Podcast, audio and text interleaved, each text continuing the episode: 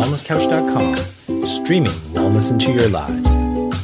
Welcome to Nourishing the Mother, featuring your hosts Bridget Wood and Julie Tenner.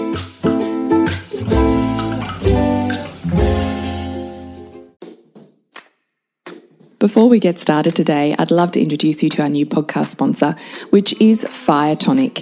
If you haven't heard of Fire Tonic before, it is a raw fermented apple cider vinegar that has a whole heap of other goodness in it, such as chilies, turmeric, garlic, horseradish, ginger, just to name a few, and it has this delicious warming, spicy kind of aftertaste that just warms your stomach and your solar plexus and has you feeling amazing just by taking it. But aside from that, raw apple cider vinegar is immune boosting. It's antibacterial, antiviral. It will decongest whatever you are stuffed up in the head with. It's antioxidant and anti inflammatory. It's also the best digestive booster. Apple cider vinegar is the same pH as our natural secretions and also stimulates those natural secretions. So if you're feeling a bit low in your digestive system, if you've got a bit of a sore throat or feel something coming on, it's great. I've used this before just to knock something on its head, like a sore throat or a virus that's gone through the rest of my family. And for me, I've just kept up with the fire tonic little shots, which I absolutely love anyway, because I love a bit of spice and it really does just knock it on its head. So it is locally made here in Torquay, Victoria, in small batches from a really ancient gypsy recipe. And we are absolutely mad for it. So if you also need a bit of a boost this winter that you can take that is delicious, digestive, and immune boosting, then please jump on to Hillbilby, H I L B I L B Y dot com dot au and check them out. You can also use a special promo code for our tribe, which is Nourish, N O U R I S H 10, in order to get 10% off your order just to give it a go. Bridget and I use it, it's on our counter all the time. So head on over to hillbilby.com.au forward slash discount forward slash nourish 10 to get your 10% off and start loving on some fire tonic. Hello and welcome to Nourishing the Mother. I'm Bridget Wood. And I'm Julie Tenner. And today's podcast is in response to a listener's question about anxiety. So that's where we're taking the topic of conversation today. Before we jump there, I'd love to remind you to go on to nourishingthemother.com.au and sign up to join our tribe. Where once a week we'll send you a newsletter with everything we've put out in the world, and you can pick and choose where you'd love to dive a little bit deeper through a click of a button. And all we need is your email address to be able to shoot that off to you during the week. So nourishingthemother.com.au and join our tribe. So today's podcast is dealing with anxiety. Now, we did have a listener write to us and just say, I'm wondering if you can do a podcast on anxiety in the future, specifically in relation to the need for control, which often accompanies anxiety. Mm.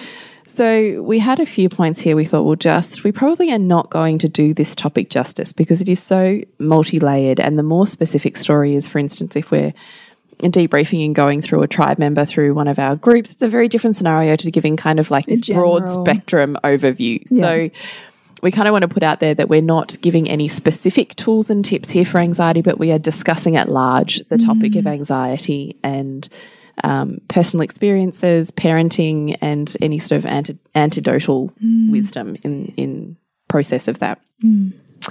So um, I've personally had periods of anxiety. I come from a family that um, the women in my family have qu quite extreme anxiety and mental health disorders. My daughter, my eldest daughter, suffers with anxiety.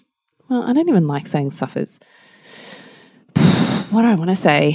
Um, my older daughter can manifest a great deal of anxiety. So, since she was little, this has been a conversation for us and a way in which we've um, functioned within our home and has probably changed the dialogue that we have around relationships in school to the point where I don't think that schools even terribly tuned in, even though I will send them an email if something's flared up because she doesn't typically display as a child with anxiety. Mm. And I think that that has a lot to do with what's happening in the background. So mm. I know underneath she's running a huge amount of anxiety and energy, but she has to some extent a set of tools that she employs that are enough to get her through whatever she needs to cope with at school before she's back home again. And I do think that anxiety in children is um, becoming a really huge issue and it's young.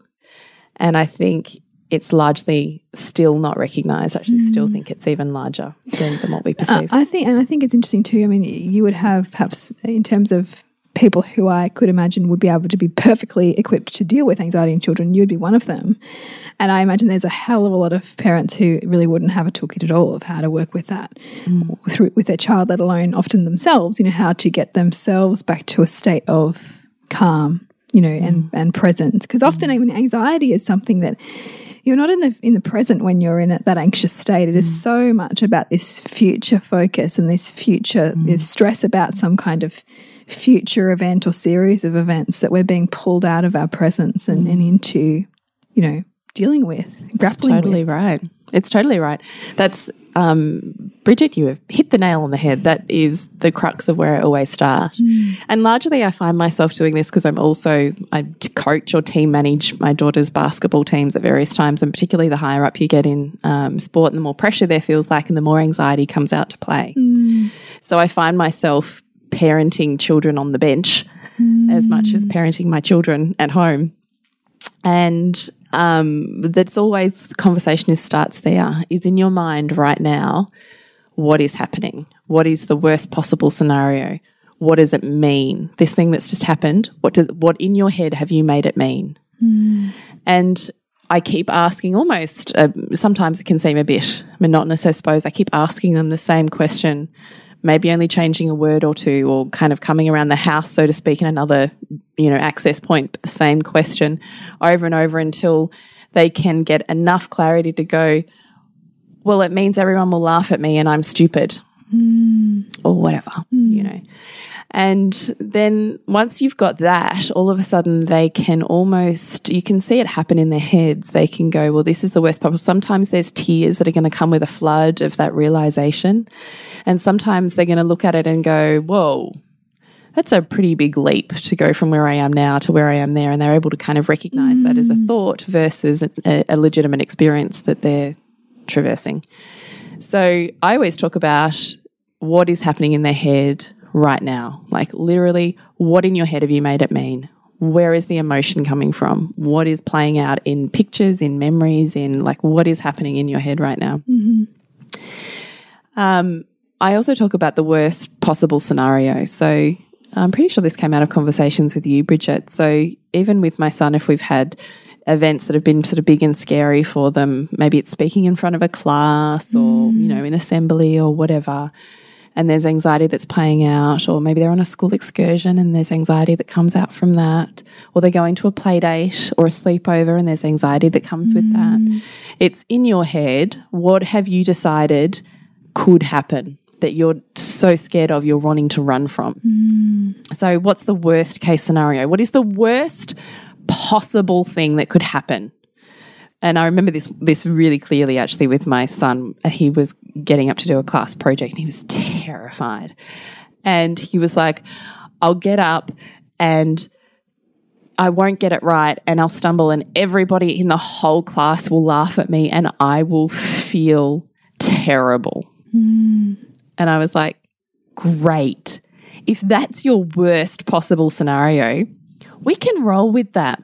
So, where we're going to start is if the very, very worst thing happens, what is the toolkit that you have to survive slash get through that? Because mm. if you mm. know that even if this very bad, most worst possible disastrous scenario happens, you have a way of coping and dealing, mm. anything else is a plus. Mm. Like it's only up from there, baby. Yeah. Yeah.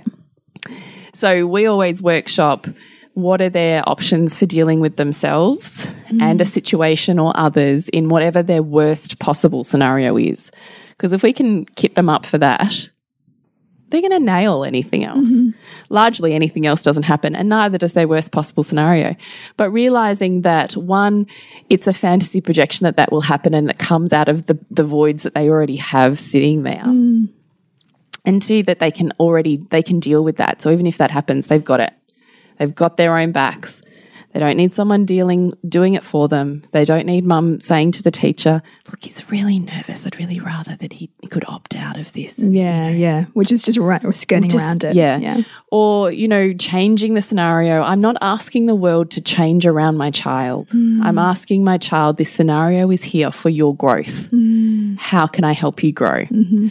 And I think it also comes back to seeing how our children are strong. They are mm. resilient. Mm. They are not these feeble, which I actually think is one of the main fallouts from attachment parenting and our whole concept of the child being this hapless infant. Yes, yeah. Because really, beyond the first tri the fourth trimester, that can actually be a real drawback to be holding on to that. But even pre that, right? Like even we think about Megan's story with the triplets. It's true. Like how resilient yes, and built for survival mm. are babies. Mm. And yet, when we look at modern psychology, it's based around the fact that they are completely helpless and vulnerable to everything and, and don't have resilience. yes, and you know anything we could we do could possibly scar them for life. Right? Yeah, So I do think that that, that as a as a cultural mainstay of psychology is, is mm. infiltrated through so much Yeah. of how we view children. and it's really I think it's it's you know it's, it's because we know what behaviorism kind of did. It's almost swung so far the pendulum in the opposite direction where we're afraid to sort of do anything mm. right or you know step one foot wrong and not trust in their their in, inherent capability. Mm. So I do, even when I catch myself doing it, because, you know, sometimes your heart can just break for them and you want to save them from it. And you mm. don't want them to go through that pain because most likely you've experienced a pain similar and you know how much that shit hurts.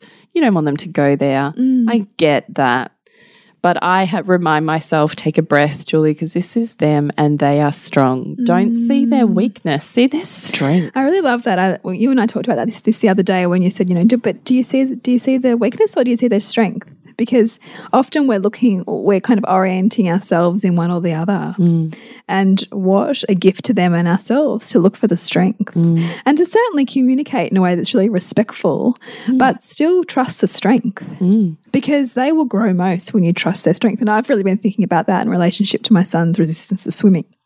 Because there's a lot of, you know, like for him, trauma around that. And I think, you know, I don't want to get keep him stuck in that because that's not helping him. Um, and sometimes we have to really um, put on put on our big girl kind of pants and trust that they're going to be okay and that we give them the tools to be okay and work through it. And what you're talking about here in the in the case of of The this worst case scenario. yeah, it's it's really it's a fear of future feelings. So it's a fear of how will I deal with the feelings that are going to come up if that worst case scenario happens. So what you're doing with those tools that you're giving them is giving them safety in a broader spectrum of feeling. Mm. To trust that, that they're going to know how to work through those. Mm. And like, what a life skill that is. Absolutely. And I think it's one of the main life skills for intimate relationships is mm. handling your own anxiety as opposed to needing the other person to do it for you and make you feel better. How can you self regulate? And I fucking hate that word because it's such a buzz cry at the moment in It the education Yeah. system. And I think it's largely used the wrong way mm. because we'll It's almost like something like you're off on your own, go self regulate. Right. Yeah. Or I'll point put you next to this kid that bugs the shit out of you, but you failed because you didn't self regulate Yeah. right then. and you're five. I do Yeah. think there's some shit that's No. going wrong there. No, just just to cover it off, and children rely on their parents to be the mirror, to be the model for regulation, and I don't think you can do that at five yet. You know, all that well. Or that there's steps and processes, there's a, tools that are Yes. given, not just I expect that you can do it or can't do it. Yeah. That I don't expect that the children have. Like even children that come to my house in, for a play day, right? I'm not looking at Mm. them going, I know you have exactly the same experience as my children, so therefore you can deal with exactly the same stuff as mine. yeah, Of course not. so they sometimes need help to find the skills. And if it's Mm. not coming from home, then what a gift if it came from school or from a carer Yes. Mm. or from a grandparent. What a gift. That's the purpose of, you know, these incredible souls that feel called to work with children Mm. often have an empathy for that.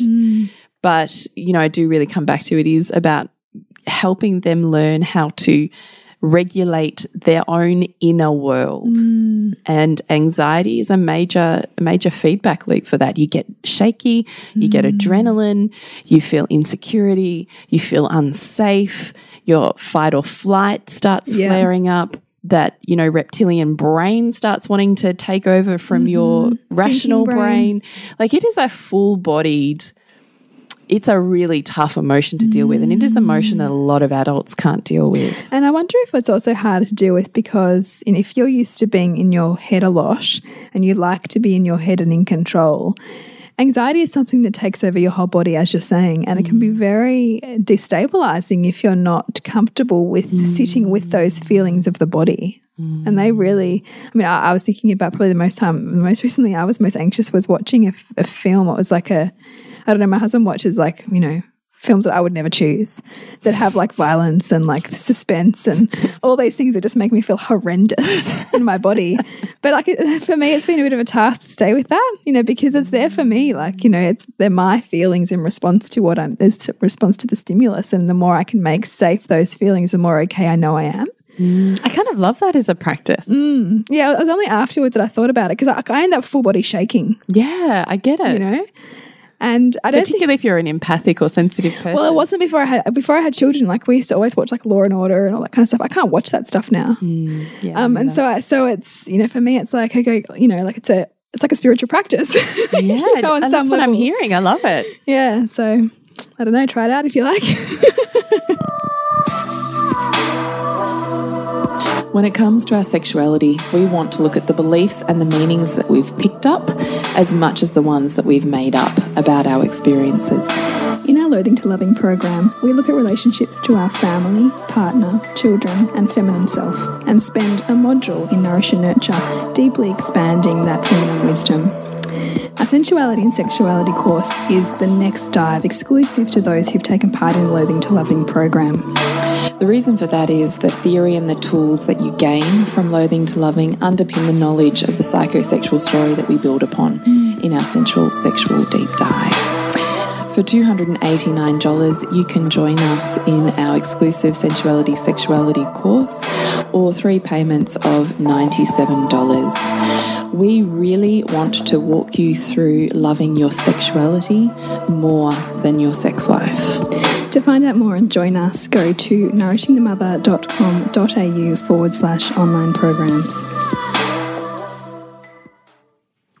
So, when we're talking about the future thoughts of anxiety because you're projecting into the future, I think it's worthwhile. This is also where I see it's such a beautiful overlay between parenting and, um, as you're talking about, Bridget, conscious embodiment, because even by virtue of upskilling ourselves or teaching our children, we're, we're still learning and absorbing. And I just think that's the most fantastic dynamic. So, when we're talking about stepping into our body, I'm thinking about first off practices that I do myself and practices that I teach children. So particularly I deal with all of the girls when they're coming off the court or whatever and they're, you know, feeling quite emotional mm. is I'm they're like a deer in the headlights, like you're you often say, Bridge. And it's I'm really getting them to come back into the present moment and back into their bodies because when people are in anxiety, you can read their body, right? It's their mm. brain is like gone. Mm. You might as well be in a dream world because their eyes are darting around. Maybe they're looking for mum or dad or the person who usually soothes for them because they haven't mm. learnt how to self soothe. So they're seeking the anxiety is heightened because they don't have any skills themselves Yeah. for doing that for themselves. Mm-hmm. And so they need this other person. And this is the danger zone with a relationship, a long term intimate relationship as well, is when you mm. need someone to make you better as mm. opposed to you being a sole unit Yeah. and then able to bring your full self to a relationship. I think this is an mm. incredibly important skill. And it starts when they're babies and when they're kids. And let me tell you, by the time they're 10, you can see it playing out. Yeah. So, funnily enough, there's this one girl on my daughter's team who cries. There's a couple cries every single game, and so at mm. some point, I know I'm removing her to, to sit next to me, and I'm getting down on the ground and I'm at eye level, and she's darting around looking for the person who's going to save her.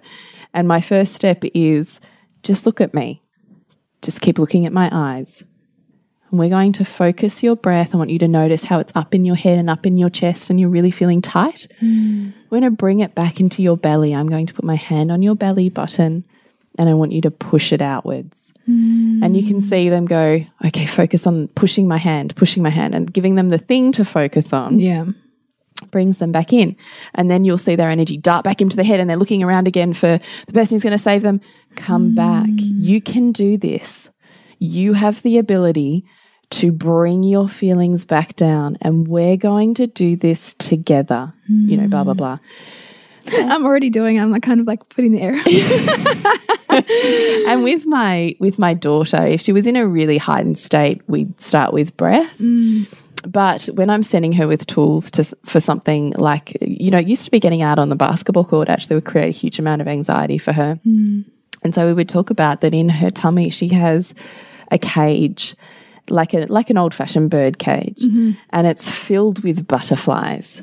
And she gets to have the choice of taking a big breath in and opening that gate out on her out breath and all those butterflies flying out. And she can watch them fly out. Mm. And she can look at their colors and she can look at how pretty they are and anytime she feels those flutters of butterflies stuck in the cage again she takes a breath and she opens that gate again and out they come That's so beautiful. it's worked marvelously well for her. So well. So well. Um, so I always think coming back to the breath is incredibly important. And it also, I hope I'm really getting across to you how important it is that we teach our children this. This is literally the stuff that will change how they show up in a relationship when they're adults. Like it's just it like profound. really is yeah. because your ability to hold your own sense of self in a relationship, we need enough separateness because as soon as you're mm. merging, clinging, desperately needing someone to do something that you need to learn to do on your own, mm. there's going to be disintegration. Mm. No one can be that for you. And this is growth.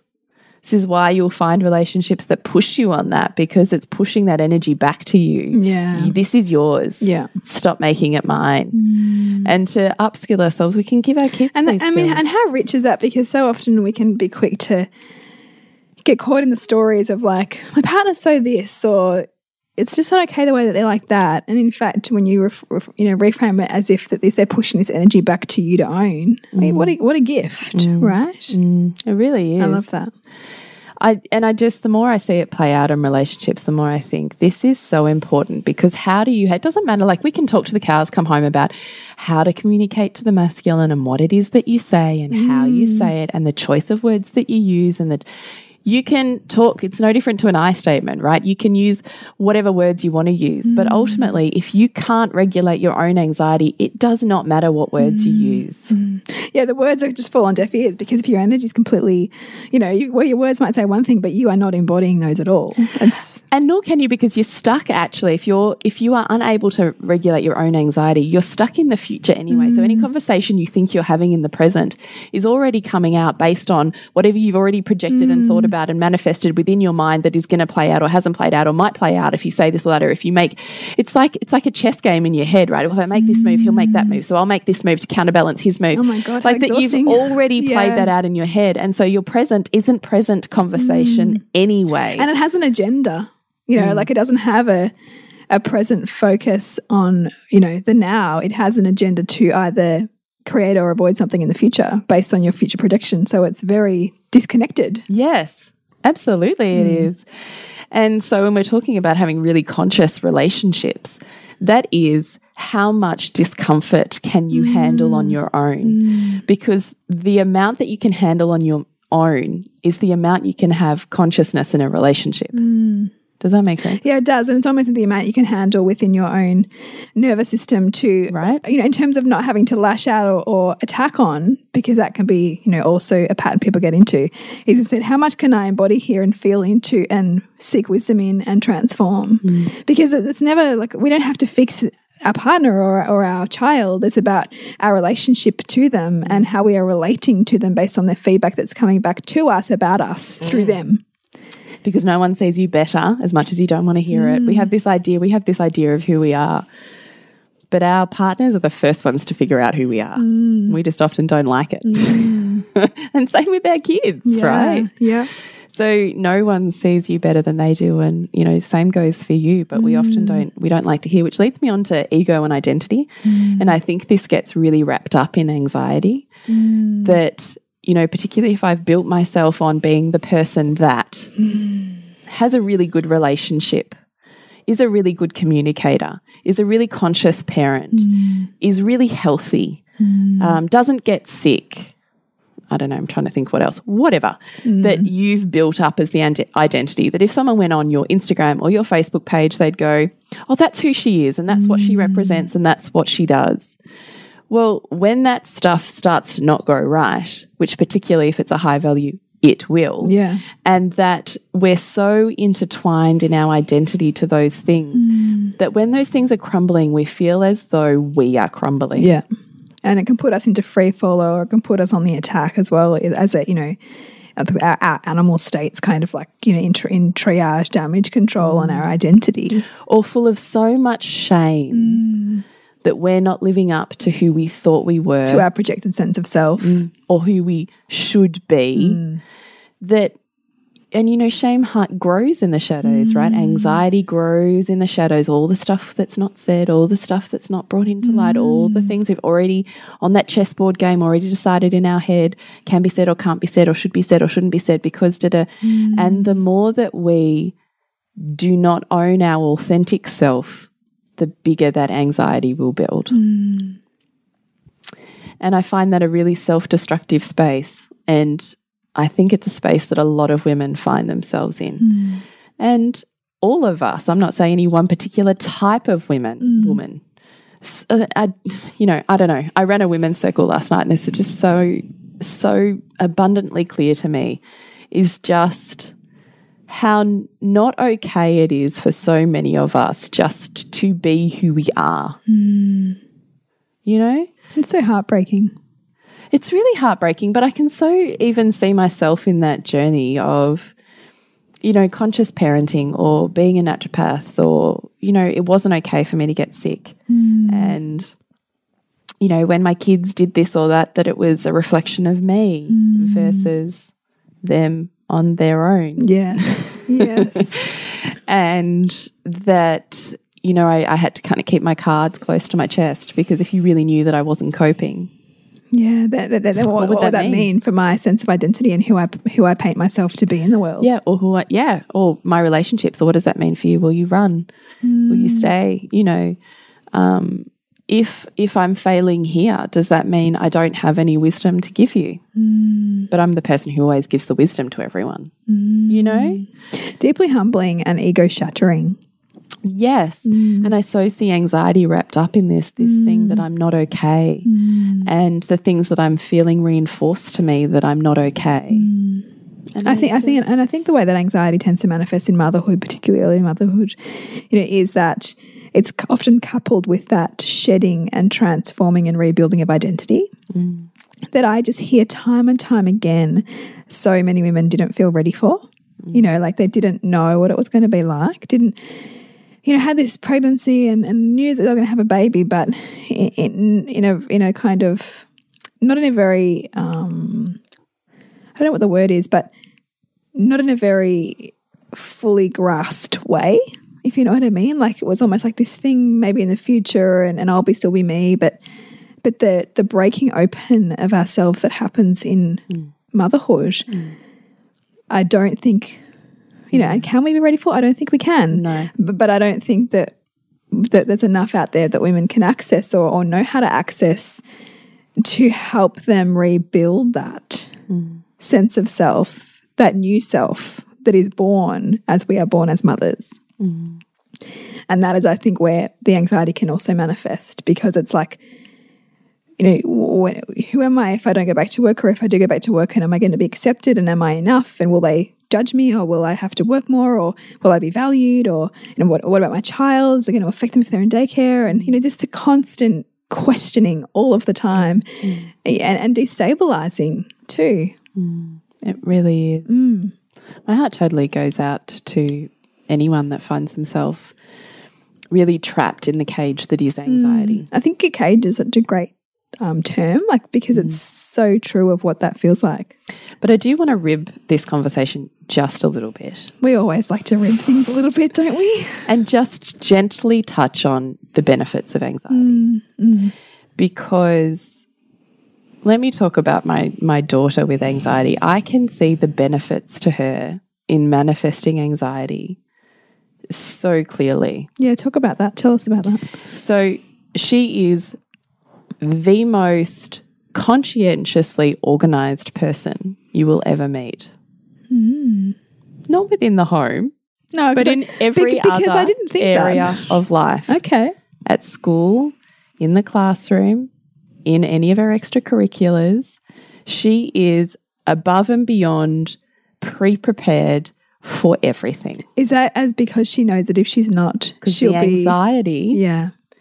of not having the prop, the thing, the homework, the diary, the mm. whatever, the anxiety of not doing that or having that or getting it right is so intense that it almost slaps her into total organization and structure so that she can circumvent and control everything she can possibly control so that she doesn't have to end up in this highly anxious state. Yeah.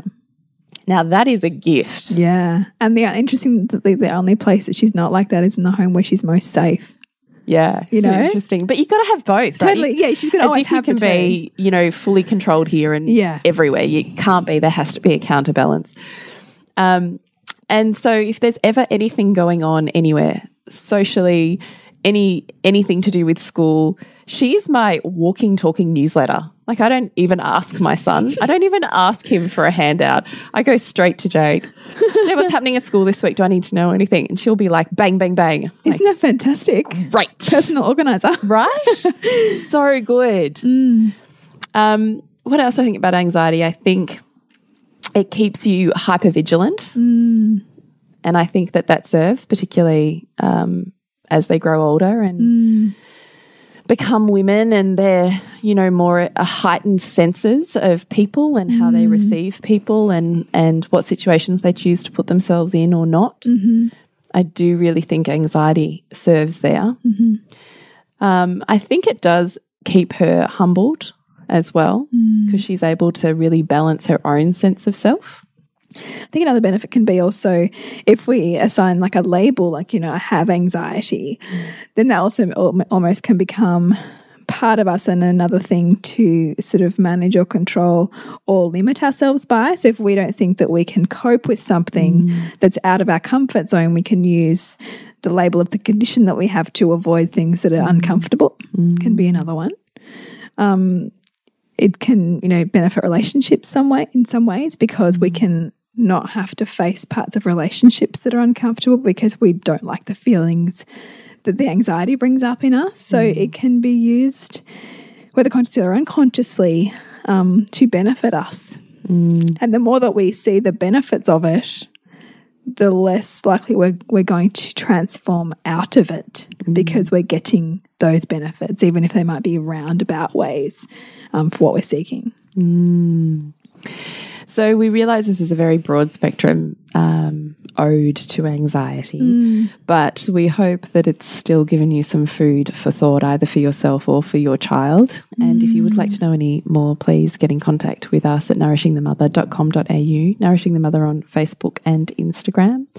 Thank you for listening. Thank you for your beautiful messages and private messages through Yeah, socials and emails because they really do light our world because who mm. knows when you put this stuff out in the ether no one we don't Yeah, know we don't know. We don't know who listens. so it's really lovely to hear back it really you know is great and if you've got a topic that you would love to hear us talk about then certainly email us and we will do our best mm.